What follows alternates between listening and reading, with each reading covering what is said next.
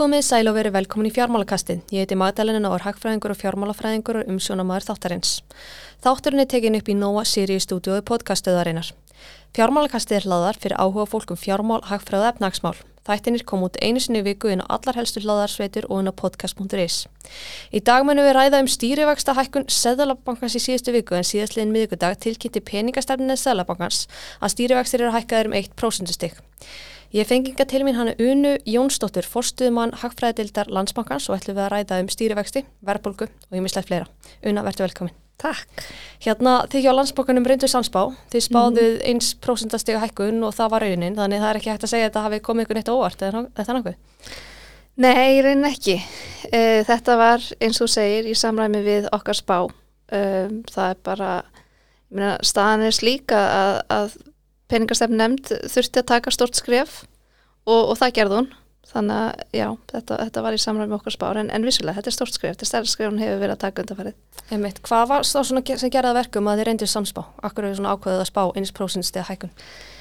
Já, það er bara uh, verðbólkan mm -hmm. verðbólkan er svo mikil og það sem að meira er að, að verðbólku væntingar hafa hækkað mjög mikið og, og það getur uh, reynst erfitt, það er svona bendið til þess að, að þessi verðbólka drægist frekar á langin, það er að segja ef, ef, við sjáum það út úr konunum að verðbólku væntingar bæði heimila og fyrirtæki hafa aukist. Og það, það skapar verðbólku þrýsting þá, þá hérna uh, gætu fyrirtæki sagt eru þá viðbúin að fara að hækka, hækka vöruverð hjá sér og, og heimili hérna fara þá með ákveðnar launakröfur af stað og allt skapar þetta verðbúrgu þrýstinga ef að væntingarna verða svona háar. Að, að, að markastæðilar heimili og fyrirtæki gera áfyrir því að þetta sé eitthvað sem að, sem að myndraðast á langin og þá er náttúrulega mjög mikilvægt að, peningastefnu nefnd sendi mjög skýr skilabóð um að þau ætli að gríp inn í og, og sjá til þess að, að verðbólgan far ekki í alvörböndunum og, og lítið þetta mjög alvarlega mögum sem, sem að þau gera og mennum að heyri það á fundinum að þetta verist bara ætla að vera byrjunin mm -hmm. á svona gefið skín að það er aftur hækkað Einmitt, hérna, en hvernig svona horfur þessi stýrivaxtækun við þér? Já, bara eins og ég segi, hún var í takt við það sem við gerðum ráð fyrir þannig að ég held að hún, hafi bara sé nöðsynlega á þessu stíi máls til þess að, að Sælabankin uppfylli þetta e, hlutverksitt að, að reyna að halda verðbólgun í skefjum. Svona hvaða áhrif tilur að þessi stýrivakstækjum minn komið til með að hafa? Hún alltaf hefur strax þau áhrif að e, kæla hans hækjörfið. Mm -hmm. Það er, við erum að fara detta í svolítið þenslu ástand og, og það er mjög mikilvægt að, að stíga þá svolítið varlega til jarðar og þegar að vextinnir hækka þá eik svolítið fórnar kostnar neyslu að segja þá, þá bara verður svona meiri kvati til þess að kannski leggja pening á inn á bankabóku eða vextir af hækka þar fyrir ekkarinn að fara út og, og eigða peningu svona í sinni allra einföldustu mynd. Mm -hmm. þannig að ég segi þetta er, þetta er svona dempar aðeins eftirspyrna þrýstingin því mm -hmm. eftirspyrnin hefur verið mjög mikil í hagkjörnu, bara núna alveg frá því að, að þessi faraldur hófst. Þetta, þetta er náttúrulega verið að koma út úr mjög sérstöku ástandi. Við vorum bara með samkomi takmarkan sem að bönnuðu fólki að fara beinlegins út og eigða peningum, það var allavega aðeins erfiðara. Það var að gerast á sama tíma og kaupmáttur var að aukast og vextir að lækka. Þannig að neyslu viljin var mjög mikill og hann kannski sapnaðist eitthvað aðeins upp. Við sáum það að peningur sapnaðist fyrir á innlánsreikningum. Mm -hmm. svo bara leið og fólk hafið tækifæri til að byrja að ferðast og byrja, byrja eh, svona, að lífi fór aftur í, í sama horf þá, þá jógst mjög þessi neysla og, og það er bara komin mjög mikill þrýstingur, það er bara einhvern veginn allt fara á stað og, og svolítið rætt og þá er mjög eðlilegt að það þurfi að, að grípa svolítið inn í og, og reyna að stemma stigu við uh, þessum uh, eftirspurnar uh, aukningum eða, þrýstinginum sem hann, hann veldur á, á verðbólgu. Einmitt. Hérna, mjög núna koma til með að hafa einhver áhrif á fastegnamarkaðin, til eru það? Já, það mm. algjörlega og, og verðbólgan er núna aðalega drifin áfram af hækkunum á uh, fastegnaverði. Mm -hmm. Cirka 40% af verðbólgun er hægt að rekja til uh, húsnæðis og þá er náttúrulega uh, og núna eru mjög margir með sagt, overtrið lán á breytilegum kjörum og mm -hmm. þeir vextir munu hækka núna eftir því sem að stýri vextir hækka og þá dregur það aðeins úr eftirspurnin eftir húsnæði, það verður erfiðar að fjármagna íbúðakaup. Sáum það að þegar að vextinni voru lækkaðir þá skilaði það sig í mjög, mjög aukin eftirspurn eftir fasteknum til kaupa þannig að núna sama skapi þá búist við því að, að þessar vakstahækkarnir munu draga eins úr eftirspurn eftir íbúðum til kaupa og það mun aðeins svona verða til, við erum ekki að spáði að íbúða verð lækki Nei. en að það verði bara svona eins hófstiltari verðhækkanir Já. og það leðindi líka bara aðeins svona rólegri uh, taktur í, í verðbólgunni. Meit taldi verðbólguna að hún hefur ekki mælst meiri í 12 ár uh, og Sælabankin er að spá að hún veri komin yfir 8% á þriðja og fjóruða ásfjörðingi. Uh, hvernig sér þau fyrir þér að verðbólgan muni þróast að komandi missurum? Já, svona nýjasta spán sem við höfum gefið út gerir á fyrir því að verðbólka mun maksa svolítið fram mm -hmm. eftir ári mm -hmm. um, við, þó, við, við, erum, við erum búin að segja þetta núna nokkuð nokku mörgur sinnum í röða við gerum á fyrir það sem koma eitthvað svona þólmörgum húsnæðismarka ja. nú með vænta róleira hækkana mm -hmm. uh, en það er líka við meðan settir að sjá hvort að, að uh, verðhækkanir sem er sér stað út í heimi hvort að það er eiginlega eftir að, að smita uh, heim í auknum mæli cirka 20% verðbólkunni núna er innflutt mm -hmm. um, já, þannig að ég veit það ekki við, ég, meni, já, eins og segir Sælabankin er með nokkuð hérna, já, dökkars hérna, verðbólksspá mm -hmm. ég er áfyrir yfir 8% verðbólk þess að sem er mjög mikið Til er hann gangi eftir eða? Hvað segir þú? Til er hann gangi eftir? Ég veit það ekki. Eh, það er náttúrulega fyrir miklu leiti eftir því hversu, hversu hrætt er alltaf að hækka vexti. Já. En þeir gera sömlis ráð fyrir því að verðbólkum farið svolítið hrætt niður en hins vegar að hann fara ekki í markmið á spátímanum mm -hmm. sem að er uh, nokkuð aðteglisvert En hvernig telur þú þá stýrivextir munu þróast? Ég held að við getum alveg gert ráð fyrir uh, framhald á þessum hækkunum. Það það er næsti fundur er í uh, enda júni og ég minna, mér finnst allt geta komið til greina þar frá 25 upp í 75 punta. Mann ás eftir að sjá hvernig við hefum eftir að fá verðbólkumælingu, við hefum eftir að fá uh, mælingu á uh, húsnæðisverði. Mm -hmm. það, það hefur svolítið að segja. Um, við erum kannski ekki alveg fann að sjá áhrifin af þeim aðgjörum sem að þegar er búið að grýpa til Emitt, emitt En jæna, því hefur verið haldið fram í fjölmiðlum að Seðlabankin sé eini Seðlabankin í Evrópu sem uh, hækka vext í þeim aðstæðum sem nú eru. En staðrindin er hins vegar svo að 21 á 30 Seðlabankum í OECD og G20 ríkjum hefur hækkað vexti í síðustu vaksta ákvarðin, er þetta ekki rétt? Já, já, mér skilst það, við erum, við erum langt frá því að vera eini seglabankin sem að er að hækka stýrivexti en það er þetta, verðbólgan er vandamál um heim allan, við sáum það í, í nýri uh, spá alþjóð og gjaldir í sjóðsins, þá uh, spá þeir því að, að verðbólga heiminum verður 7,4% á þessu ári sem er mjög mikið. Í, í síðustu spánuðara sem byrtist í oktober í fyrra þá við að það er 3,8% mm -hmm náttúrulega vissi enginn hvað myndi gerast þannig í millitíðinni.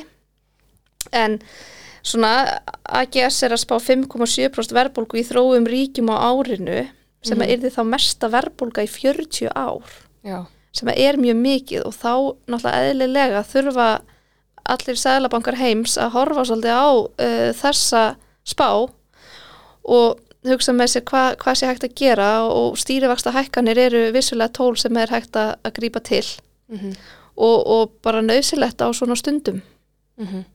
Emmett, hérna uh, ríkistjórnin kynnti í síðustu viku mótvæðisaðgerðir vegna verbulgunar uh, það er aðgerði á svona beinast að tekið lagri hópum. Uh, er rétt álegt að það skjóti skokku við svona, að þessar aðgerði skjóti skokku við svona þegar það hefur verið kallað eftir aðhaldi í ríkisfjármálum? Ég veit ekki hvort að ég myndi vilja fullir það svo stert sko. Ég meina verðbólgan, hún kemur verniður á þeim sem er með lærlaun, mm -hmm. þannig að það er ekki óeðlegt að stjórnvöld grípinni og reyna að jafna eins leikin. Mm -hmm.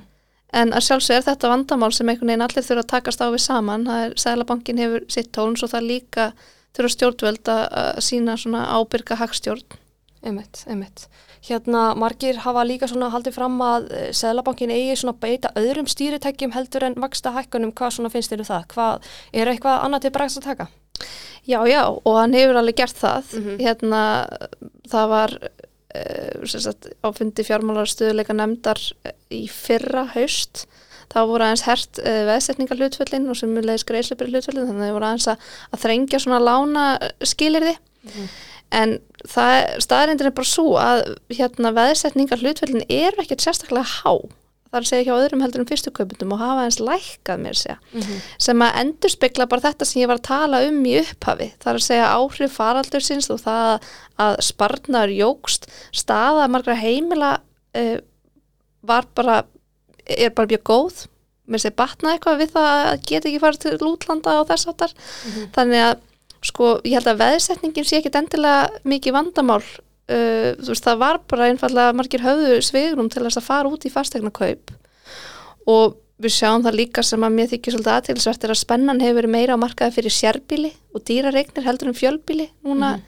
í, í þessum hérna faraldri og, og þessum í þessum mikla uh, eftirspurnar uh, kúf sem að myndaðist á fastegnamarkað, þá er að meira eftir stærri eignum mm. þannig að hérna og það er svona bendið til þess að þetta séu nokkuð svona já, hafi kannski verið fólk sem, að, sem að átti íbúð fyrir eitthvað þess áttar sko. Já, einmitt.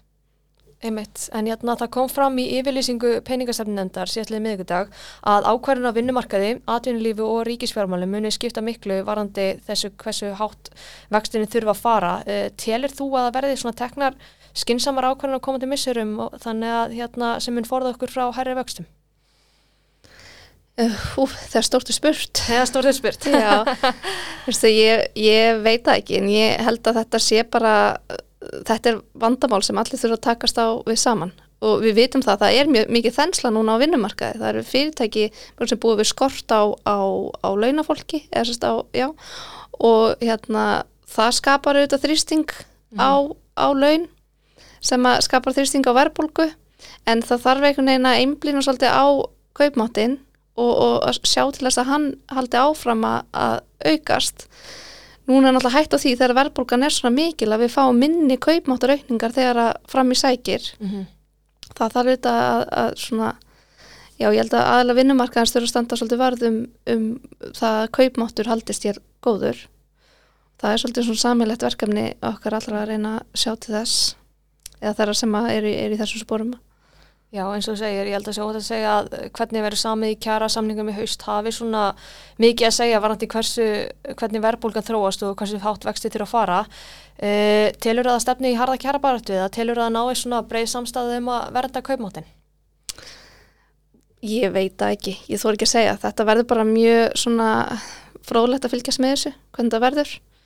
Um, það er það er alltaf verfitt að, að þegar að svona ástand er að það eru hérna lausi kjærasamningar sama tíma verðbólgan er mjög mikil.